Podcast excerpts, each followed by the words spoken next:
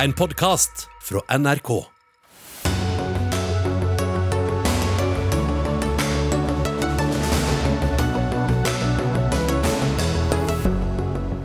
Snart kan nordmenn få Janssen-vaksinen, men bare noen, og kun hvis legen vil. Legeforeningen advarer mot å ta den. Kritikk mot den internasjonale politiaksjonen Trojan Shield. Et etisk betenkelig at politiet har kunnet legge til rette for kriminalitet på den måten, sier Advokatforeningen. Oppgjøret som blir etterlyst etter 22.07 er tatt. Det skjedde i rettssalen, sier han som forsvarte terroristen i terrorrettssaken. Nei, svarer AUF, det handlet om juss, ikke om moral. Og det er isfront mellom LO og regjeringa etter et nytt vedtak om særaldersgrenser. Dette er Dagsnytt 18 på NRK P2 og NRK1, hvor vi også skal innom rettssaken mot organisasjonen til den russiske dissidenten Aleksej Navalnyj. I studio i dag, Sigrid Solund. Ja, om noen dager, fra 15.6, kan du bestille time for å få koronavaksinen fra Janssen utenom vaksinasjonsprogrammet. Eller du kan i hvert fall forsøke. I dag sa regjeringa at fastleger, private leger og vaksinasjonsklinikker kan få sette vaksinen hvis visse kriterier er oppfylt og hvis legen mener det er forsvarlig. Men hvor mange leger vil egentlig sette vaksinen, som altså kan gi alvorlige bivirkninger og derfor er tatt ut av det nasjonale opplegget? Daniel Sørli, du er lege og daglig leder i Dr. Drop-in. Dette er skikkelig ille, har du sagt til VG i ettermiddag. Hva er det som er så ille med dette? Det som er ille, er at uh, regjeringen stiller seg bak å gi en medisin som uh, i dagens situasjon er farligere enn sykdommen man skal bekjempe.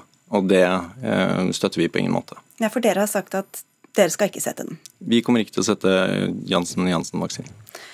Og hva sier legene til den beslutningen hos deg? De er veldig glad eh, for at vi har tatt det standpunktet, og eh, hadde ikke ønsket å være med på det, selv om vi i ledelsen gikk ut og prøvde på noe annet. Anita Tunhold, du er administrerende direktør i Aleris helse, som er landets største private helseaktør, og dere har tvilt dere fram til et standpunkt nå i ettermiddag. Hva har dere landa på? Nei, Dette syns jeg faktisk er eh, ganske vanskelig. Eh, det er vårt utgangspunkt i Aleris at når myndighetene ber oss om å stille opp, ja, så bidrar vi. Eh, men, og Derfor har vi også tilbudt oss å bidra inn i massevaksinasjonen. Men på den annen side så syns jeg det er problematisk å overlate til enkeltmennesker å ta stilling til en vaksine som myndighetene ikke ønsker å ha i massevaksinasjonsprogrammet. Så har jeg selvfølgelig også forståelse for de som er uvaksinerte i dag, og som f.eks. har syke i sin familie, eller som ønsker å reise og besøke familie i utlandet, og som derfor vil ha vaksinen. Men akkurat nå så heller jeg mot at vi ikke skal tilby den i Aleris heller. Men så må jeg jo si at vi har akkurat fått høre regjeringens anbefaling her. Eh, og jeg skulle gjerne fått litt mer tid til å diskutere med fagfolka i Aleris og høre hva de eh, ønsker å gjøre. Så du har ikke landet helt, men er skeptisk? Vi har ikke helt landet, men vi er skeptiske. Helse- og omsorgsminister Bent Høie, Legeforeningen, som vi også snart skal høre fra, de vil ikke anbefale vaksinen. Vi har to private aktører her som ikke vil sette den. Hvilke leger har dere lyttet til når dere landet på dette? Ja, vi har jo eh, lytta til den motstanden som har vært, men det er jo eh, sånn at eh, vi har sagt at vi mener at dette er en vaksine som er godkjent. Eh, den brukes i de aller fleste andre europeiske land. Det landet som utenom oss har valgt å ta det ut av vaksinasjonsprogrammet på permanent basis er Danmark. De tilbyr det òg i en tilvalgsordning etter så noenlunde de samme kriteriene som oss. Så er jo jeg helt enig i at for de aller fleste av oss i Norge så vil det ikke være riktig å bruke denne vaksinen. Regjeringen anbefaler òg å bli vaksinert gjennom vaksinasjonsprogrammet. Men det er problematisk å ta den tilnærmingen at det ikke finnes noen i Norge som det vil være riktig å bruke denne vaksinen på. Eh, og nå er det sånn at det har kommet noen faglige kriterier på det fra Helsedirektoratet som nettopp peker på at det er i noen situasjoner så vil det være medisinsk faglig forsvarlig å gi denne vaksinen fordi alternativet fremstår eh, som dårligere. Og Hvis en bare sier konsekvent nei, så betyr det jo også at en fratar disse enkeltmenneskene muligheten til å få den konkrete vurderingen i den situasjonen, som kan innebære at de reduserer risikoen for sykdom og død ved å få denne vaksinen. Sørli, du reagerer på bruken av ordet frivillig her, som ble brukt av regjeringa. Hvorfor det? Ja, jeg mener ikke jeg er frivillig i det hele tatt, fordi man legger et uh, utilbørlig press på uh, spesielt unge mennesker, som er de som nå gjenstår å vaksinere. Um, sannsynligheten for at de blir alvorlig syke eller dør av denne, eh, dette viruset, er veldig liten. Vi vet altfor lite om denne vaksinen. Og når Høie sier at man ikke har alternativer, så er ikke det riktig. For vi har to veldig gode alternativer i Norge, og de heter Moderna og Pfizer. Og eh, hvis man gjør en sånn seleksjonsprosess på noen få som har veldig veldig gode grunner til å ta den Janssen-vaksinen, så kan de like gjerne få de to gode alternativene vi har. Men de er jo ikke Det å f.eks. ha en, en, syk mor i et annet land, det er jo ikke et kriterium for å få Moderna-vaksinen f.eks. Nei, men hvis du har en syk mor som er terminal, holder på å dø, så bør det være mulig å gå til fastlegen sin eller en annen lege, få det dokumentert og få lov til å ta en av de vaksinene vi vet fungerer veldig veldig godt. Det bør, det bør være, men det er ikke sånn i dag? Sånn er det ikke i dag. Men hvis man åpner opp en mulighet for at det er tungtveiende grunner som gjør at man kan gå utenfor eller rundt køen, så eh, bør det gjøres med de vi vet er trygge. Altså jeg jeg syns det ikke er riktig å bruke den type sterke ord om en vaksine som er godkjent. Eh, det er en vaksine som brukes i de aller fleste andre europeiske land. Eh, I det landet som er lagt seg på samme linje som oss, fordi det er i veldig lik situasjon, Danmark, så er dette òg en tilverksordning. Der er det 16 000.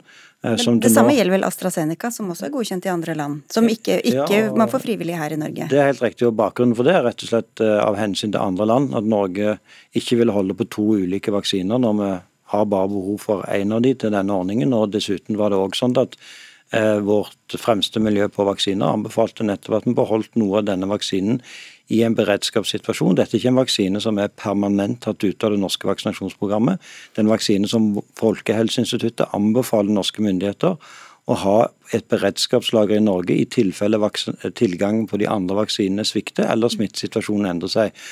Og Da er det òg en grense for hvor sterke ord en skal bruke om det å faktisk få denne vaksinen, syns jeg. Men samtidig så vet vi at det, det er potensielt dødelige bivirkninger eh, ved vaksinen. Hvor vi hører om et utilbørlig press, sier Daniel Sørli her. Hvor godt egnet tror du en 25-åring f.eks. er til å skjønne hvilken risiko det innebærer, og om det er verdt det å ta den risikoen? For det første så tror jeg at mange skjønner godt risiko selv, men dette er ikke overlatt til en 25-åring eller noen som helst andre. Dette er overlagt til slutt til legen til å ta den endelige beslutningen på, basert på noen veldig mm. tydelige, men òg strenge kriterier fra Helsedirektoratet. Så en 25-åring som ønsker å få denne vaksinen to uker før han får den andre vaksinen for å reise til Syden, vil få nei.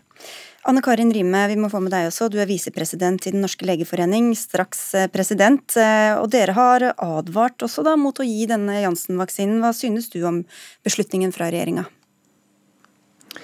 Nei, Jeg er enig med Daniel Sørli at her i dagens smittesituasjon så vil ikke gevinstene med å vaksinere med Janssen oppnevne den helserisikoen det er å få den vaksinen. Men som Høie sier, hadde vi vært i en annen smittesituasjon, eh, så hadde situasjonen vært annerledes. Men er ikke dette vurderinger som leger gjør absolutt hele tiden, å veie risiko opp mot øh, gevinst? Det har du helt rett i, og her er eh, vår eh, fraråding helt klar. At i dagens smittesituasjon så vil vi ikke eh, råde legene til å sette denne vaksinen. Da vi mener at det er andre alternativer. En del, altså Det ordinære vaksinasjonsprogrammet blir mer og mer fleksibelt, og man vil kunne prioritere de som er i disse gruppene til å få en mRNA-vaksine, hvis legen mener at de er i behov for en prioritering raskere enn de vil få. Høie, du sa jo i dag at risikoen for å bli alvorlig syk eller død også teller uh, tungt med i denne vurderingen. Men hvor mange er det som risikerer uh, alvorlig sykdom eller død av covid-19 som ikke er vaksinert nå? Ja, Det er jo avhengig av uh, hvilken situasjon en er i og hva en skal. og Det er jo det som jeg syns er litt vanskeligere. fordi Jeg er jo helt enig når mine uh, debattmotstandere her argumenterer på gruppenivå. og Det er jo òg det som regjeringen har beslutta. På gruppenivå så er det ikke riktig å bruke denne vaksinen i Norge. Så alle de argumentene er vi jo helt enige om. Spørsmålet bare er, som der regjeringen og for så vidt òg både flertallet og mindretallet i Vårland-utvalget har sagt, at det vil være enkeltpersoner som allikevel vil være i en annen situasjon. F.eks. det er ofte eksempelet som er brukt. Hvis du skal reise til et land med høyere smittenivå nå, og du ikke kan utsette reisen, så vil det være bedre å være beskytta av denne vaksinen enn å ikke være beskytta i det hele tatt. Tunhold, eh, dere har jo ikke da landet 100 ennå, selv om jeg skjønner det strittes eh, imot. Men tror du at dere f.eks. kan bli kontaktet av folk som får nei fra sin egen fastlege, og så prøver å shoppe leger eh, rundt omkring? Vi blir allerede kontaktet av mange som spør om Janssen-vaksinen. Og jeg tror kanskje at det er nettopp det presset som Sørli snakker om her. At folk vil oppleve at de de burde gjøre det av hensyn kanskje til andre, eller av hensyn til å bli med vennegjengen på ferie. Og så shopper de rundt for å få tak i den. Og da blir det et press som blir vanskelig å motstå for den enkelte lege. Hvor, samkjøres dette i det hele tatt, Høie? Er det noe kontakt mellom fastlegen eller andre leger om at nei, men jeg kjenner til helsesituasjonen, den personen bør ikke få den vaksinen? Det samkjøres ikke noe på en annen måte enn at det er felles retningslinjer for alle legene. Og så er det jo sånn at hvis, og det sier vi òg veldig klart i dag til befolkningen, at for det første det er ikke noe poeng å ta kontakt i dag. Legene som skal ordne den ordningen, de trenger òg tiden fram til tirsdag til å sette seg inn i dette.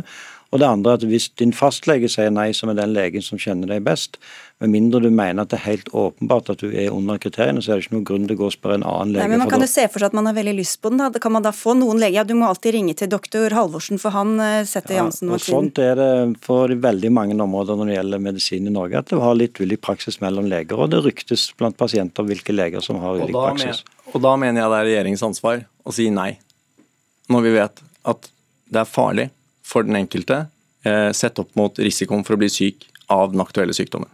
Ja, men Regjeringen har sagt at vi skal følge de faglige retningslinjene. og Hvis vi skal si nei til at et tilbud gis i Norge fordi det er variasjon mellom legene, da måtte vi sagt nei til veldig mye av den behandlingen vi har i Norge. For stort sett så er det betydelig variasjon mellom leger på alt medisinsk behandling som vi har i Norge. Dere organiserer jo 96% av dem, Rime. Hvordan ser du for deg at dette kan, eh, kan bli ulikt mellom dine mange medlemmer?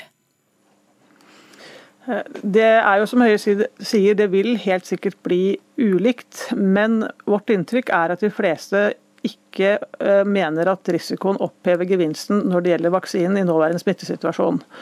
Eh, og det vi tror de legene som eventuelt vurderer å sette vaksinen, de har vi tillit til kommer til å gjøre en grundig vurdering. Og vi håper at det vil eh, åpnes for at de kan få en, en mRNA-vaksine istedenfor en Janssen-vaksine i den situasjonen vi er i nå frivillig vaksinehøye, men med veldig strenge kriterier knyttet til det. Hvor frivillig er det egentlig da? All vaksine i Norge er frivillig. ja, så, hva, så den, men hva slags, hva slags, forventninger kan du skape hos alle de som tenker jo, nå er det bare vaksin, å ringe? Ikke minst den vaksinen som de aller fleste av oss både bør ta og kommer til å ta, nemlig den som vi tilbyr. Det er du som brukte ordet frivillig i dag på pressekonferansen. Nei, vi brukte tilvalgsordning i dag, nettopp bevisst fordi vi sier at eh, all vaksinasjon i Norge er frivillig. Og så er det selvfølgelig òg frivillig å be om denne vaksinen, men det er ikke noe poeng å be om denne vaksinen hvis du helt åpenbart ikke er under noen av de kriteriene som ligger til grunn for å få denne vaksinen. Og Så er det til slutt, som det alltid er, en medisinskfaglig vurdering av den ansvarlige legen om du kommer til å få denne medisinen som annen type vaksine eller medisin. Men, men du er ikke redd for å ha skapt litt høye forventninger hos noen som tenker at denne vaksinen er litt lettere tilgjengelig enn den Absolutt. kanskje er? Absolutt. Eh, jeg er helt åpen på at uh, måten som vi omtalte denne på når vi presenterte at vi gikk inn for mindretallet i Våland-utvalget, helt åpenbart skapte et inntrykk av at det kan bli lettere å få denne vaksinen enn det det har blitt. og Bakgrunnen for det er at direktoratet har foreslått eh, betydelig strengere kriterier enn det som vi så for oss den gangen. Men jeg mener det er helt riktig at de kriteriene de bør bestemmes faglig. Den politiske beslutningen den handler om at denne skal tilbys som en tilvalgsordning. Kriteriene er faglige og foreslått av Helsedirektoratet. Vi får vente og se om det er noe vits i å ringe Aleris, men dr. Droppen trenger man i hvert fall ikke å ta noen telefon til. Nei takk, ikke om akkurat dette. det, nå var det, Du skal ikke gå ennå, Høie. Det er jo deg og meg en liten det... stund. For da var det så mange mot deg, som får litt alenetid uh, på tampen her. Vi må snakke litt mer om hvilke goder da, denne vaksinen får, eller alle vaksinene får, ja. hvis man uh, får dem. Det er sikkert mange som har gått inn på Helse-Norge på sin egen profil og funnet et grønt kort og en QR-kode. Hva kan det brukes til nå? Eh, akkurat nå vil denne bli brukt når du kommer over grensen til Norge igjen, hvis du skal ut og reise. og spesielt eh, fra fredag av. Da blir òg QR-koden sjekka av eh, politiet, sånn at de ser at den informasjonen òg er ekte. Så Det betyr at eh, da kan du unngå å komme i karantenehotell. Du kan, hvis du er fullvaksinert, så trenger du heller ikke være i hjemmekarantene som følge av denne. Og Så vil vi i neste uke komme med mer informasjon om hvordan denne òg kommer til å bli brukt innenlands i Norge når vi er gått over i trinn tre. Så disse tre dagene vi har snakket om nå, de gjelder ikke for de som har hatt covid-19 eller er fullvaksinert etter en uke? Eh, tre, tre dagene med innreisekarantene? Eh, de tre dagene med innreisekarantene de gjelder ikke hvis du er fullvaksinert eller hvis du har gjennomført covid-19 og er tilknyttet Helse Norge, sånn at du har dette dokumentert i vårt system. Men for barn gjelder disse tre dagene fortsatt? For eh, Det som er nytt nå, det er at for alle, og de, og de mellom 12 og 18, 18 de òg er nå i en situasjon der de kan teste seg ut av innreisekarantene etter tre dager. Og så sitter det nordmenn og andre i land som har godkjente vaksiner, som bruker de samme vaksinene som eh, vi har, men som dette ikke gjelder for. Hvorfor ikke? Det er rett og slett fordi vi ikke ennå har eh, et system der vi kan kontrollere deres dokumentasjon på en trygg nok måte. Så eh, Der jobber vi langs tre spor. Det ene er at hvis den er norsk, så skal en kunne få etterregistrert vaksinene i vårt system. Ja, da vil en jo kunne bruke sitt norske koronasertifikat. Men det viktigste er å åpne for andre EU-land sine koronasertifikat. og Der er vi i godt rute eh, til det som er de felles planene på det. Kunne gjøre det i løpet av, av juni, senest månedsskiftet juni-juli. Eh, og så er det òg å se på når vi kan akseptere land utenfor EU sine eh, dokumenter. Men det vil nok òg være avhengig av hvor trygge vi føler oss på hvor langt vi har kommet i vaksineringen i Norge. Men Hvorfor er det så vanskelig å kontrollere dette altså når det gjelder folk fra andre vestlige land? Det er rett fordi det er så fryktelig enkelt å jukse med de ordningene som nå er. Fordi at det er stort sett papirbaserte ordninger som der det er lett å kjøpe seg eh, kopier. sånn at eh, når vi fortsatt har et stykke igjen med vaksineringen i Norge, og befolkningen vår ikke er godt nok beskyttet, så må vi ha en streng kontroll på importsmitten, og da må vi kunne kontrollere dokumentene. Og Det så vi jo når vi innførte krav om dokumentert negativ test.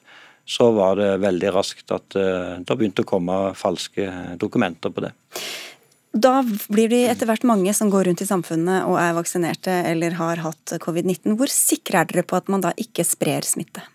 Ja, Vi er jo veldig sikre nå på at uh, eh, iallfall eh, de som er fullvaksinerte og de som også er beskytta av de to vaksinene som vi bruker i det norske vaksinasjonsprogrammet, er godt beskytta. Når det gjelder innreise, så er vi i den situasjonen at vi skiller mellom de fullvaksinerte og de beskytta. Der er det sånn at Pga. ikke minst delta-varianten og nye mutasjoner, så må en fortsatt være i tre dagers hjemmekarantene selv om en er beskytta gjennom én dose og tre uker. Men hvis en er fullvaksinert, så slipper en nå eh, ikke, slipper en å være i karantene, men må da ta en eh, test.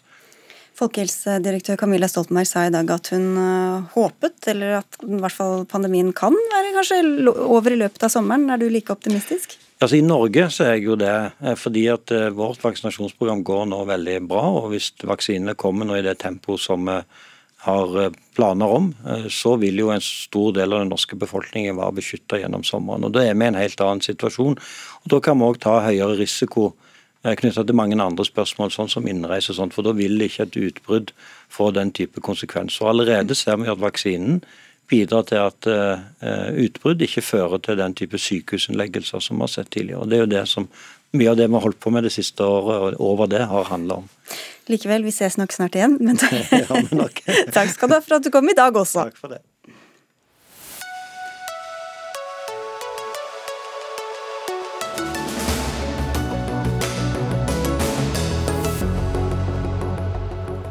Hvor langt kan politiet gå for å stanse kriminelle? I går kom nyheten om den store internasjonale politiaksjonen Trojan Shield. Der hadde mange lands politi lurt 12 000 kriminelle til å ta i bruk et eh, kommunikasjonsverktøy som politiet selv kontrollerte. Dermed kunne politifolk følge med på hva disse kriminelle planla av drap, hvitvasking og narkotikasmugling, f.eks. Det er eh, etisk betenkelig at politiet har lagt til rette for eh, kriminelle handlinger, sier du til Aftenposten i dag. Marius Ditriksson, du leder forsvarergruppen i Advokatforeningen. Hvordan er det betenkelig, eller hvordan har politiet etter ditt syn tilrettelagt og kanskje til og med provosert fram eh, kriminalitet? Først og fremst vil jeg si at det er bra vi, og viktig at vi har et effektivt politi som oppklarer mest mulig kriminalitet. Og I den forbindelse må man også til tider samarbeide internasjonalt. Bra. Applaudere for det.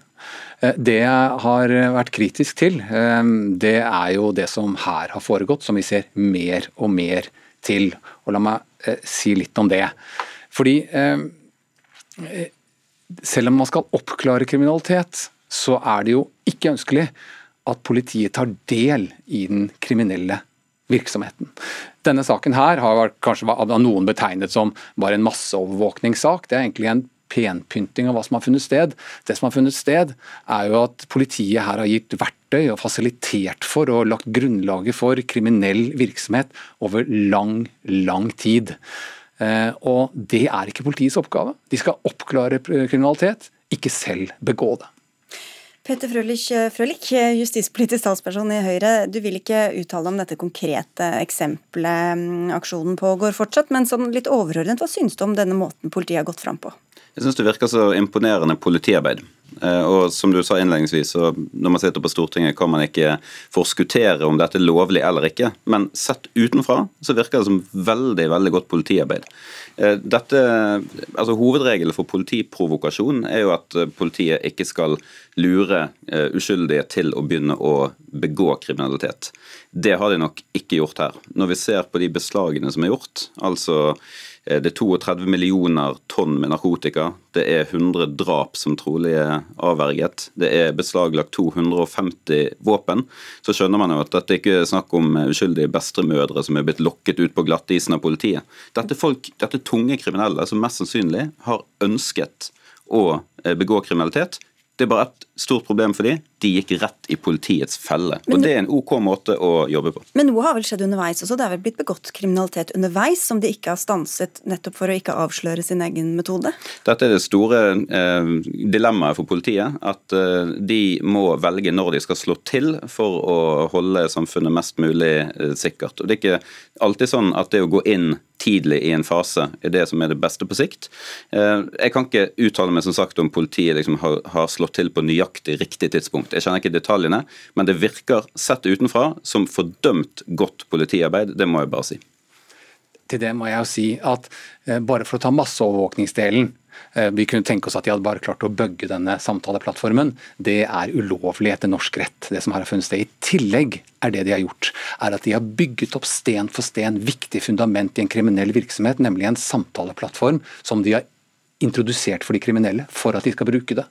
Eh, og Det er det som er spesielt er det kritikkverdig. og Det er hvis jeg kan bruke så enkelt, det er bare superstraffbart. For øh, Bedrifter som har drevet tilsvarende krypterte tjenester, får mange års fengsel. Det er eksempel på at forrige, lederen av forrige bedrift som ble satt ut, fikk ni års fengsel for å tilrettelegge for slik kommunikasjon. Og så er det sikkert noen som vil spørre seg, hvis ikke politiet hadde gitt dem denne krypteringstjenesten, da, så hadde de sikkert fått det et annet sted. Nei, jeg tror ikke det. Fordi, norsk, fordi eh, internasjonalt politi har klart, gjennom vanlig samarbeid, å legge ned de tjenestene som ble brukt. Slik at de kriminelle sto der litt uten, egentlig. Og da kommer politiet med sin tjeneste. Og Hvis ikke de hadde kommet med sin tjeneste, så måtte de kriminelle kanskje vært åpent eksponert, slik at vanlig politi hadde tatt dem, og kanskje ikke andre hadde begått den kriminaliteten. Så det kan bli begått mer kriminalitet pga. denne aksjonen enn det kanskje ellers ville gjort? Ja, veldig. Nå har politiet kommet med under pressekonferansen sin noen ferdig forberedte punkter på ting de har avverget. Vel og bra, kjempefint. Men det er en kort liste. Ikke glem at dette er dypt kriminelle nettverk over hele Europa som i tre år har vært fasilitert av politiet. Tenk deg all den kriminaliteten de har begått i tre år. Og dette er muliggjort fordi politiet har lagt forholdene til rette. Og så vet vi at dette er superstraffbart, ikke tillatt i Norge. Da forstår jo ikke jeg hvorfor vi ikke Vi ønsker jo ikke å gjøre det her, men så applauderer vi at det gjøres i utlandet, og så tas det inn her. Jeg forstår ikke det. Vi skal følge opp, men jeg skal bare få med en melding her først, eh, før vi får med en tredjeperson også. For det er eh, kom, blusset opp denne brannen på Sotra utenfor Bergen som vi har hørt mye om. 118 personer er evakuert eh, så langt, og flere boligområder kan bli evakuert. Politiet har varslet en presseorientering klokka 18.30. Den kan du følge på NRK2.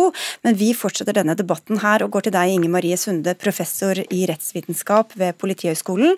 Du leder en forskergruppe som ser på politiet i et digitalisert samfunn, og hørte på diskusjonen her i studio. Hvordan vurderer du hva utenlandske politi har gjort her i dette tilfellet? Er det en provokasjon?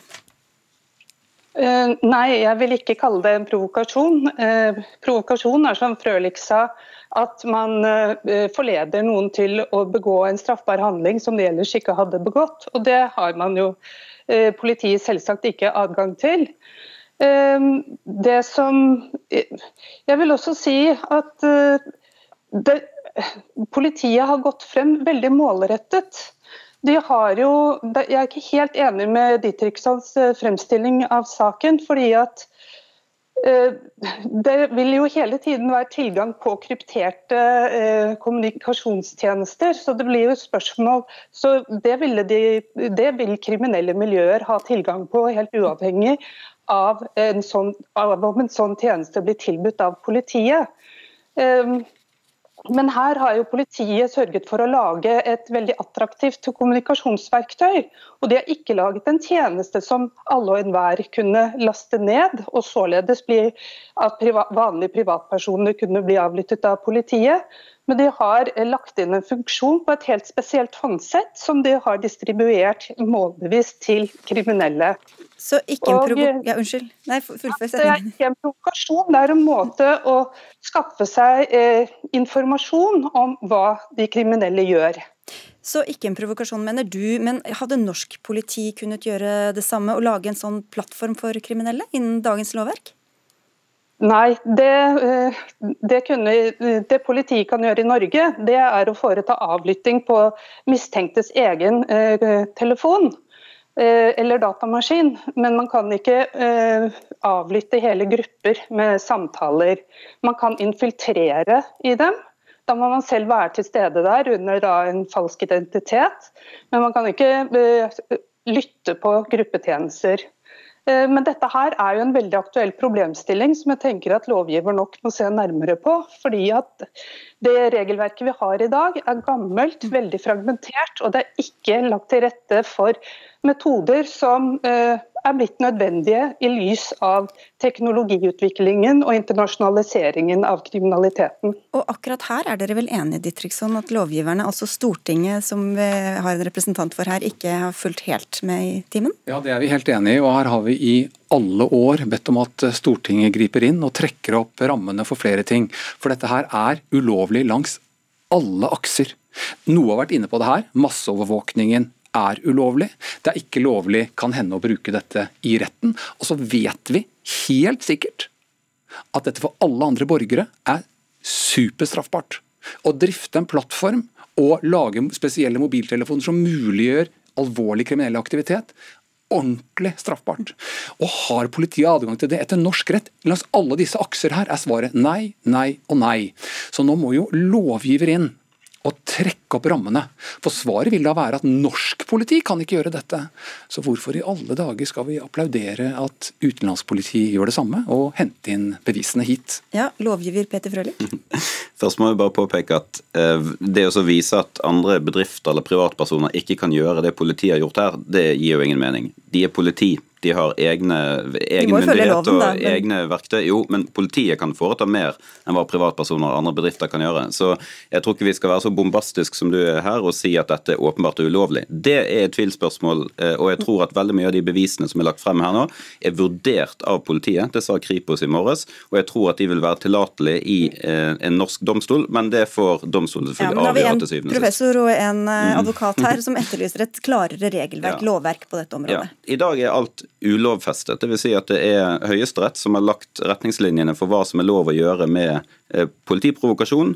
Eh, og det er Høyesterett som har lagt eh, retningslinjene for hva som er lov å gjøre med bevisavskjæring. Vi kan selvfølgelig skrive ned den jussen i en lov. Men hovedpoenget er at vi vil ikke endre gjeldende rett. Vi vil at dagens regler skal praktiseres videre, fordi de er gode. De har tjent oss godt. Det gjør at politiet har romslig adgang til å kunne eh, eh, foreta eh, provokasjon der det er nødvendig. De kan oppdatere metodene sine der man møter ny, moderne kriminalitet, og man kan bruke bevis. Så veien skal bli til mens vi går, da, i stedet for at vi ligger i forkant? Og... Det er det fine med domstolsutviklet rett, det er at det er dynamisk. For Hvis vi setter oss ned på Stortinget og lager en lov, og hugger den i stein, så vil ikke den alltid være dynamisk nok til å ta inn alle nye samfunnsutviklinger. Så eh, Det er veldig lett å si dette må lovfestes, men det er ikke sikkert at det gir den beste og mest dynamiske jussen. Men for all del, vi kan diskutere en lov, vi kan skrive ned noen retningslinjer, men den må i så fall være eh, dynamisk og den må være romslig nok til å kunne ta inn nye kriminalitetsfenomener. Hvorfor vil du ikke heller at rettsvesenet skal ta disse avgjørelsene, Dittriksson? Eh, jeg syns det er på tide at Stortinget og politikerne tar inn over seg hva politiet i noen tilfeller er i stand til å gjøre. For jeg tror vi alle tenker at eh, politiet følger loven. De er satt til å oppklare forbrytelser og begår ikke selvkriminalitet. Og så kan de etter praksis i tjenestesaker i noen tilfeller i en viss grad kan hende litt bryte loven. Men selvsagt ikke alvorlige lovforbrytelser over lengre tid. Det tror jeg er helt opplagt. Man kan ikke drifte en, en, samtaleplattform hvor alvorlig samfunnskritisk kriminalitet begås over lang tid. Det er helt opplagt. Dette ville vært straffbart i Norge. og Derfor må politikerne inn og trekke opp retningslinjer. Mm. Høyesterett har sist dette var oppe nå, det er ikke lenge siden, på noen måneder siden, så er det et hjertesukk i dommen om at nå må Stortinget komme på banen og lovregulere dette. For dette er ikke upraktisk at de tar feil. For et par år siden ble de tiltalte frifunnet fordi det var politiet som innførte narkotikaen. Så det var egentlig ikke galt det de gjorde, det var politiet som gjorde det gale. jeg, vil bare, ja, nei, jeg skjønner du vil at Stortinget skal komme på banen, eh, de vil ikke det. Eller i hvert fall eh, Frølich vil ikke det. Men jeg skal bare avslutte når du først var tilbake til det du også var litt inne på i stad. Sunde, få med deg til, til slutt her. Det var jo norske kriminelle blant dem som er tatt. Kan bevisene brukes i norsk rett når det ikke er eh, i overensstemmelse med hva politiet har mulighet til å gjøre her? Ja, det vil jeg tro. Eh, det er sånn, eh, Jeg må eh, skyte inn også at det insinueres her egentlig at norsk politi har krenket loven ved denne fremgangsmåten. Slik jeg har oppfattet det, så har denne politiaksjonen vært ledet av utenlandsk politi, av FBI og australsk politi. og det er sånn etter norske bevisregler at hvis den metoden som er benyttet for bevisinnhenting er lovlig etter det landets rett, altså amerikansk eller australsk rett i dette tilfellet, hvis det er lovlig, så kan disse bevisene brukes i en uh, straffesak mot uh, norske impliserte. Men kjenn litt på det resonnementet der. Norsk politi kunne ikke gjort det. Superstraffbart. Men siden dette er lov i et utenlandsk land, sitter vi og applauderer og ber om mer. Og det er dobbeltmoral, skjønner jeg. Men, synes du, men vet dere vi er nødt til å avslutte. heller ofte to sekunder til Frølich på tampen her. Ja, jeg avviser ikke å lage en lov, men det er bare å si at det er uaktuelt å innsnevre den mer. Og jeg har lyst til å avslutte med å gratulere politiet for godt arbeid og takke for den innsatsen de gjør. Da avslutter du der du begynte også. Takk skal dere ha alle tre. Marius Ditriksson fra Forsvarergruppen i Advokatforeningen, Peter Frølich fra Høyre og Inger Marie Sunde, professor i rettsvitenskap ved Politihøgskolen.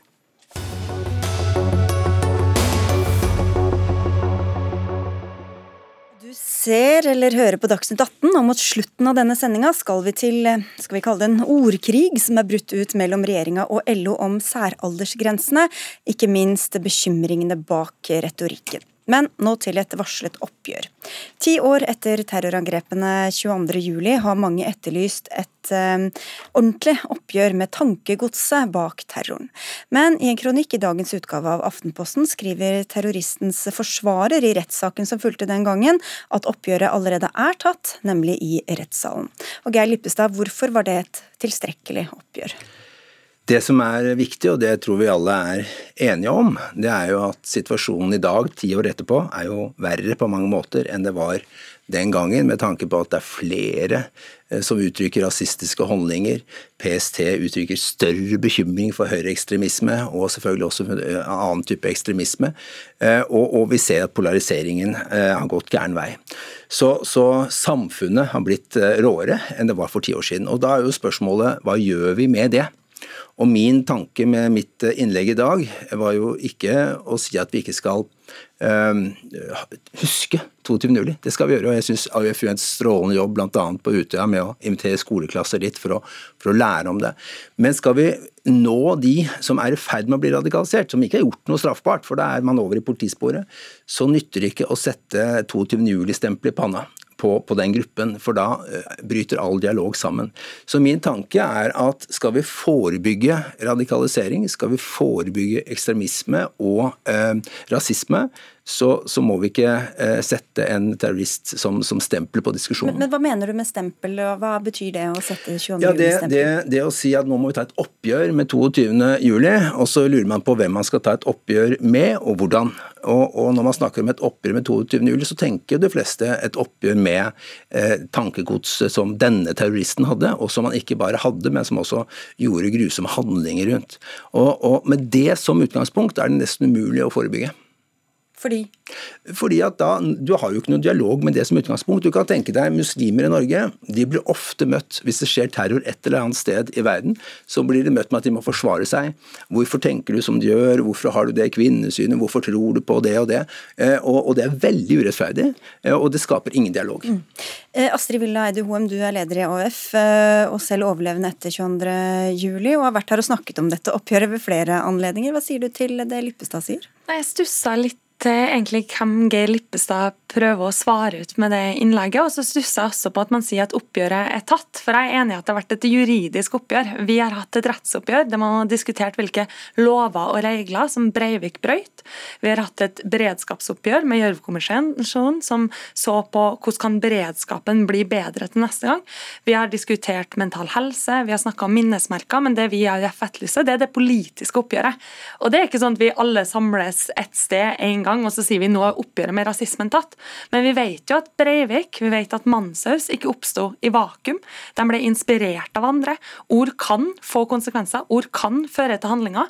Og når vi nå ti år etterpå ser at det høyreekstreme miljøene er bedre organisert enn de var for ti år siden, vi ser at hva som er greit å si i det offentlige ordskiftet har flytta seg, så er vi også nødt til å ta et oppgjør med hvilket samfunn vi ønsker å være. Så det vi maner til, det er jo en folkelig mobilisering mot den hetsen, mot de drapstruslene Russland, mot det vi ser skrives mer og mer om liksom de samme type ideologiene. For vi kan ikke stille en ideologi i en rettssak. Det tror jeg alle er enige om.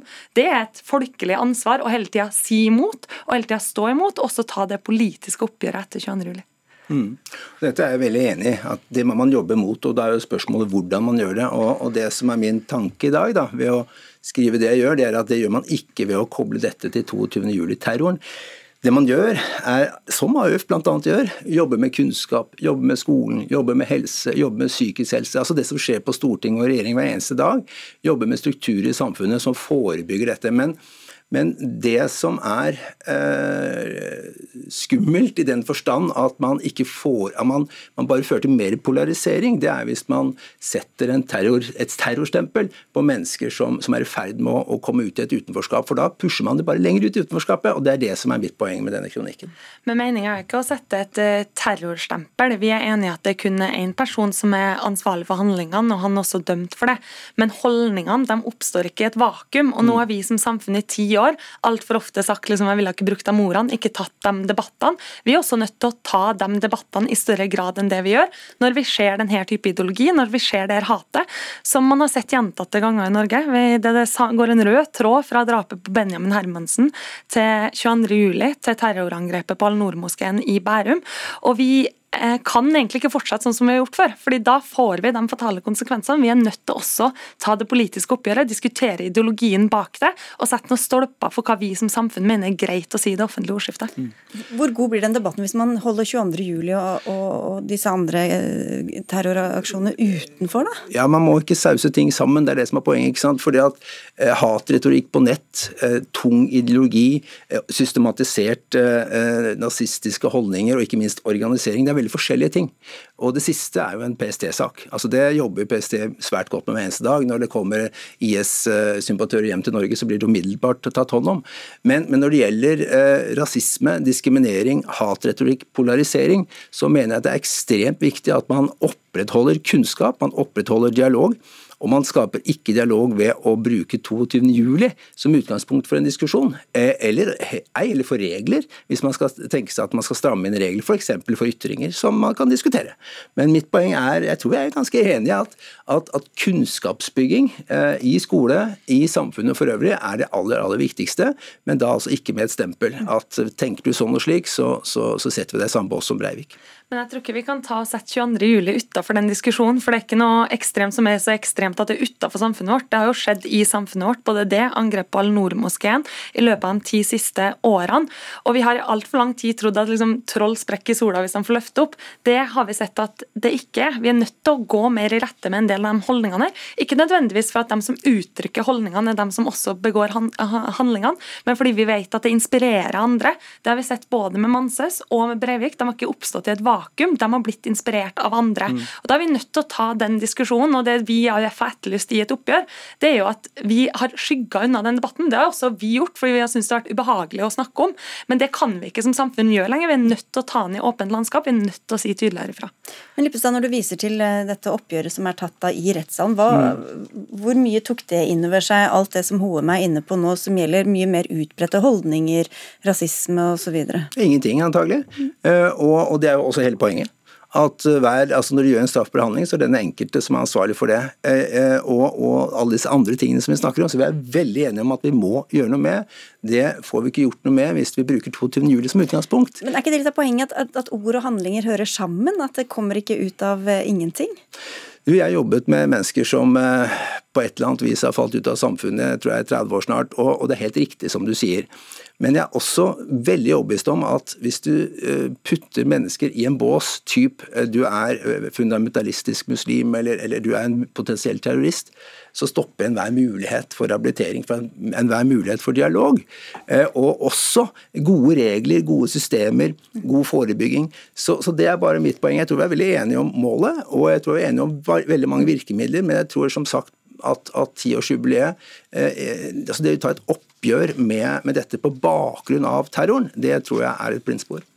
Det ikke, virker ikke veldig åpnende for dialog ved å snakke om 22.07. Eller hva sier du, Hoem? Jo, Vi sier jo at flere i samfunnet må være med å ta denne debatten. her, At altfor mange har vært stille. og Det har vi jo etterlyst gjentatte ganger også overfor mm, politiske meningsmotstandere. Men det at vi tar et oppgjør med de ekstreme holdningene som vi har sett, de ekstreme holdningene vi vet finnes, som inspirerer andre. Og vi vet jo at det her henger sammen. De høyreekstreme terroristene blir også inspirert av hverandre, og de blir inspirert av ord og av ideologier og holdninger. Men så er det jo viktig å gjøre det forebyggende arbeidet òg. Det er derfor vi har foreslått en 22. juli-kommisjon som skal se på hvordan er det vi kan forebygge det her i skolen, i barnevernet, ta tak i det. Eh, men jeg tror ikke at vi, eh, at vi eh, klarer å holde løftet om å aldri glemme, om vi også ikke sier fra, at da er vi nødt til å ta den debatten her i større grad enn det vi har gjort. Vi er nødt til å diskutere holdningene, fordi vi vet at også de holdningene fortsatt finnes, og de inspirerer andre. Da tok vi en uh, ny runde. Takk skal dere ha, begge Takk. to. AUF-leder Astrid Hoem og uh, advokat uh, Geir Lippestad. Vi tar med en melding til fra Sotra. Det er nå nesten 200 personer som er evakuert etter at brannen er blusset opp igjen der. Brannvesenet sier de begynner å få kontroll, men at vinden er utfordrende, og du kan følge utviklingen på nrk.no, og dersom det skjer noe mer også her i Dagsnytt 18.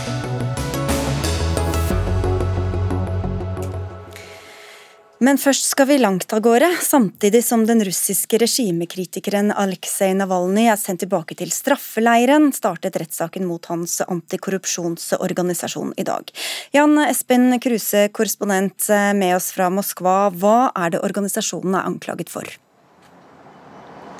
Ja, Organisasjonene til Navalny har eh, anklaget bl.a. for å organisere ulovlige demonstrasjoner. De anklages også fra myndighetenes side for å samarbeide med vestlige etterretningstjenester om et slags opprør i Russland og forsøke å styrte eh, det lovlig valgte regimet.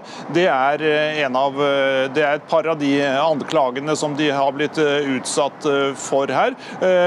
Men opposisjonen selv mener jo at er, den egentlige grunnen er at de vil stille til valg, og de krever valg uten juks.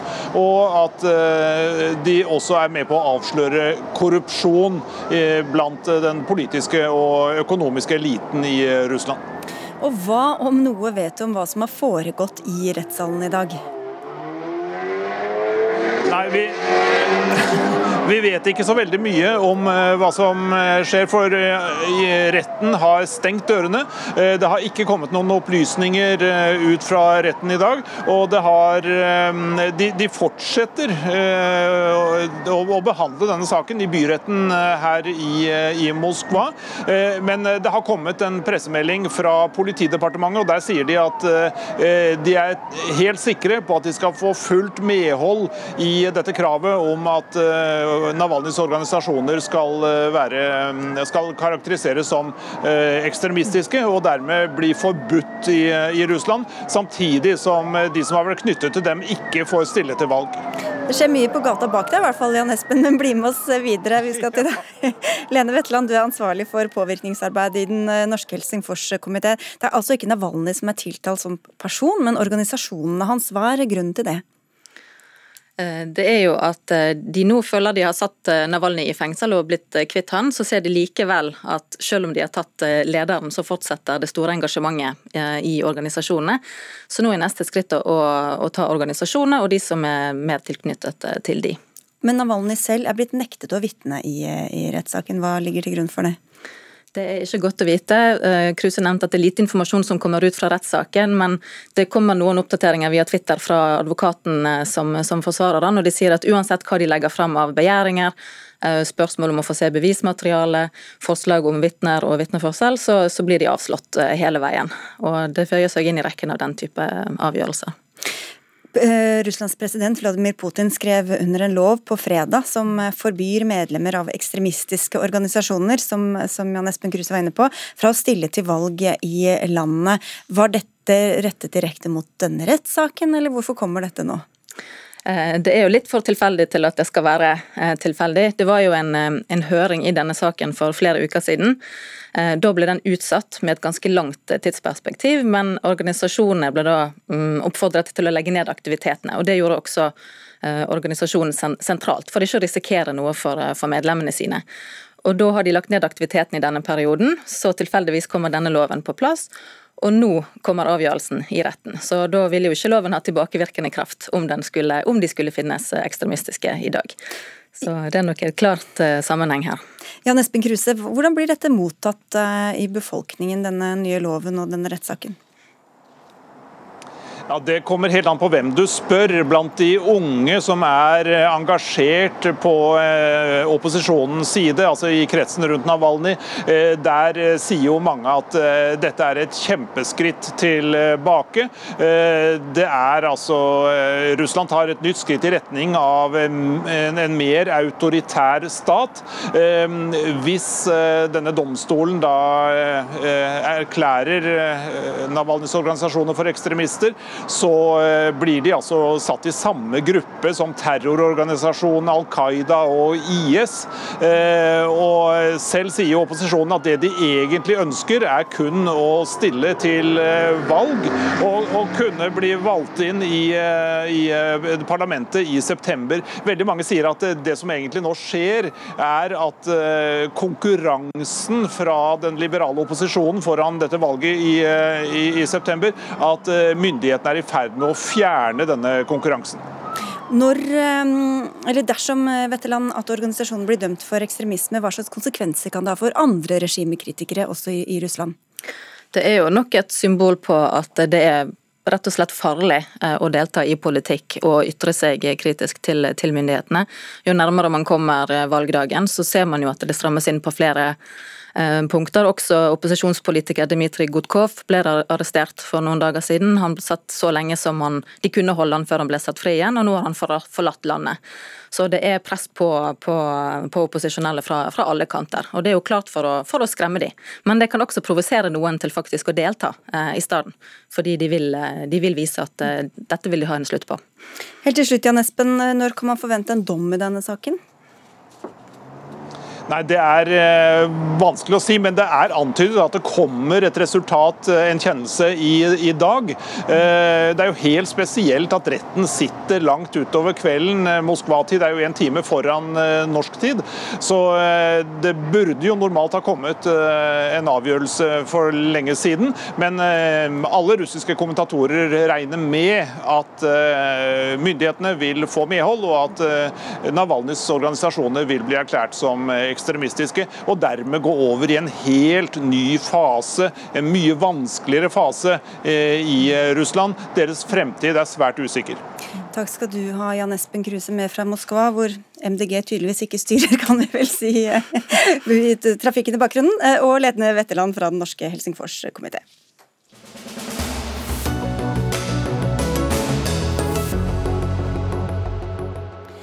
Beskyldningene hagler, og det er brutt ut full krangel mellom LO og arbeidsminister Torbjørn Røe Isaksen. Årsaken? Denne uka vedtok Stortinget å endre regelen for særaldersgrenser. Dermed fjernes plikten til å gå av for tidlig for enkelte yrkesgrupper, så hver enkelt heller selv kan bestemme om han eller hun vil stå i jobb eller gå av. Men med det står 250 arbeidstakere i fare for å tape pensjon, sier dere i LOs største forbund, Mette Nord. Du er leder i Fagforbundet, som organiserer blant andre renholdere, helsefagarbeidere, frisører og mange flere. Hva er sammenhengen mellom denne økte valgfriheten virkeligheten og det dere mener er tapt pensjon. For det første så er det brutt, eh, en brutt avtale fordi vi skulle fremforhandle en ny ordning for særaldersgrenser. Og så er det ikke 250, men det er 250 000 arbeidstakere som, som, nå eh, faktisk blir tvunget til å jobbe lenger fordi eh, vi ikke har fått på plass en ny avtale. Dette gjelder politi, dette gjelder sykepleiere, helsefagarbeidere, det gjelder renholdere, ambulanse og brann.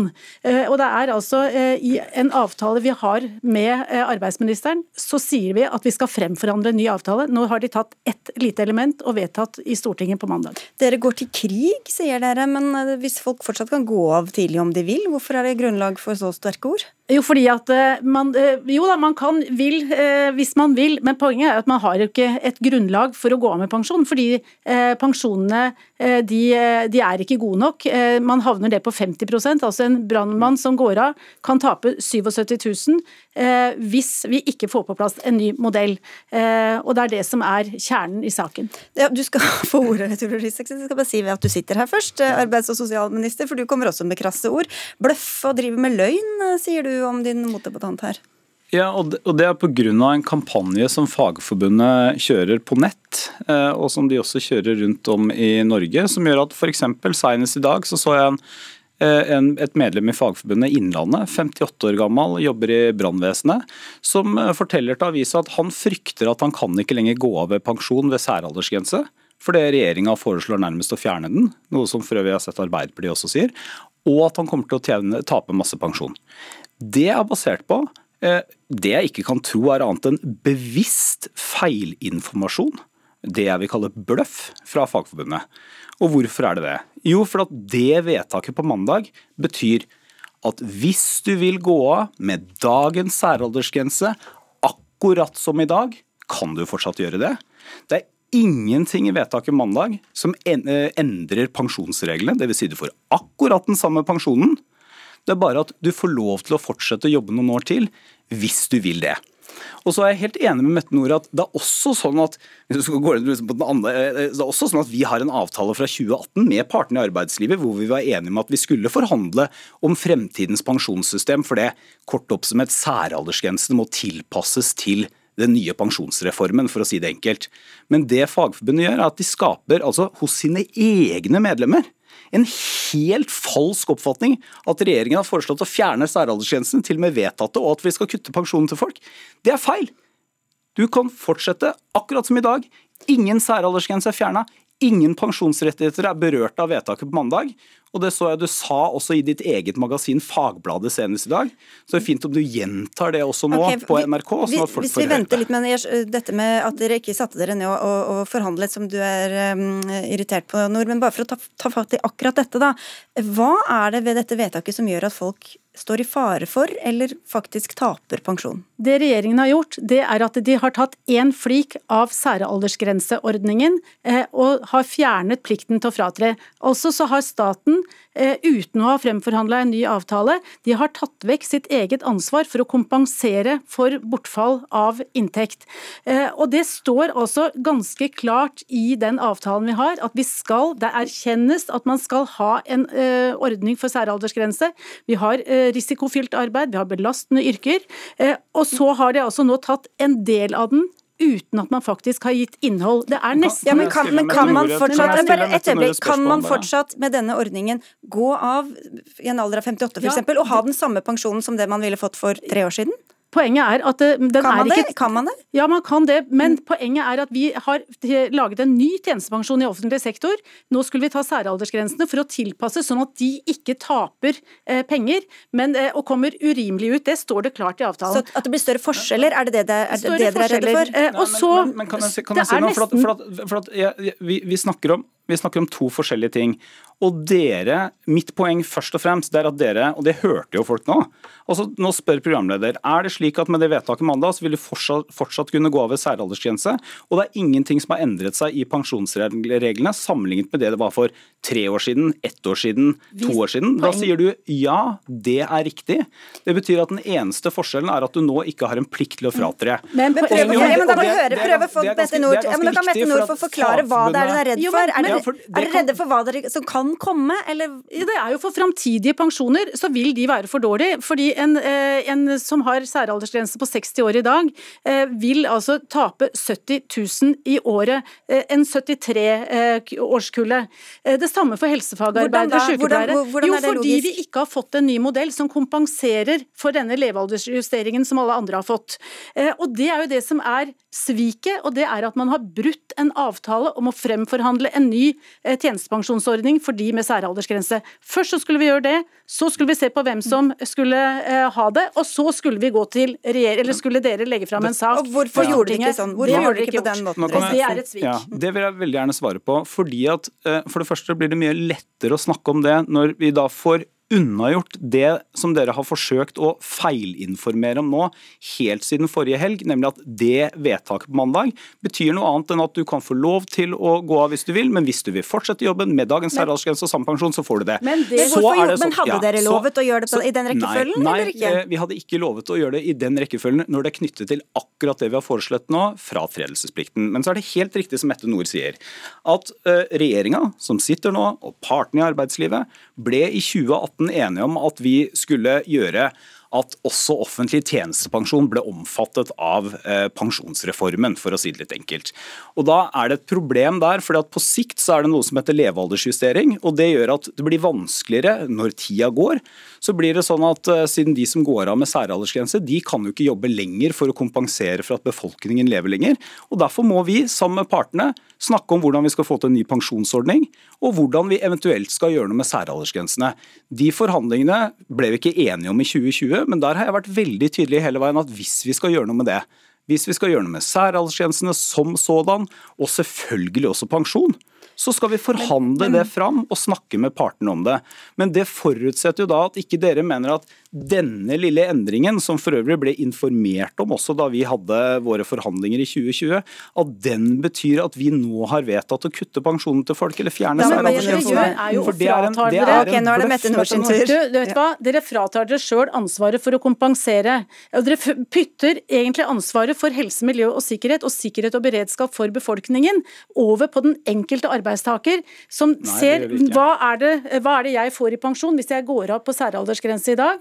Jo, det er 50% av eh, lønna mi. Det er for dårlig. Jeg må jobbe lenger. Og dermed så har du altså flytta dette. Ja, men nå er, nå er, det Mette Nord som har ordet. Altså, jo, fordi vi har ikke fått noe tilpassa ordning til særaldersgrensene. Og det er det som gjør at man, altså, ordningen råtner på rot. Og den valgfriheten du snakker om, det er jo nesten som å gi bort en fjernstyrt bil i julegave, og så har du fjerna laderen til fjernstyringa, som gjør at du får, faktisk ikke kan bruke det. Men, men, og dette er en ordning nå som råtner på rot. Og, okay vi, vi, skal jo da, vi skal jo da sammen fremforhandle nye pensjonsvilkår for å nettopp men kan jeg, La meg få snakke ferdig. For å nettopp, for å nettopp, uh, for å nettopp løse dette. Fordi at Jeg er helt enig med deg. For, når, var, når, skjer det? Nei, altså det skjer jo, det var jo da partene, altså fagforeningene, som brøt. Uh, men min dør er åpen. Når som helst de vil komme tilbake, så kan vi forhandle om dette. Mitt problem med det Fagforbundet sier nå, er ikke at de vil diskutere Nei, nå, hvordan, er pensjons, hvordan vil pensjonsreformen slå ut, og hvordan skal vi tilpasse seg særalderssystemet okay, til det, de det er at dere gjennom ja. deres kampanje later som om dette slår inn nå. Du sier det nå selv, folk taper pensjon. Det gjør de altså ikke, okay. og det har du selv. 20 sekunder til slutt, Mette Nord. Ja. Eh, og du har et ansvar. Vi eh, har også sagt eh, etterlyst i vårt høringssvar på denne saken at vi etterlyser når vi skal komme i gang igjen med nye forhandlinger, sånn at vi faktisk oppfyller det som står av marsavtalen i 2018. Ordbruken ble ikke noe mildere i løpet av disse ti minuttene, men tusen takk skal dere ha for at dere kom begge to. Mette Nord fra Fagforbundet og arbeidsminister Torbjørn Røe Isaksen. Det var Dag Dørum som satte sammen denne sendinga, Lisbeth Sellereite som sørget for at den kom på lufta, og mitt navn er Sigrid Solund, og vi ses og høres igjen i morgen. Ha en riktig fin kveld.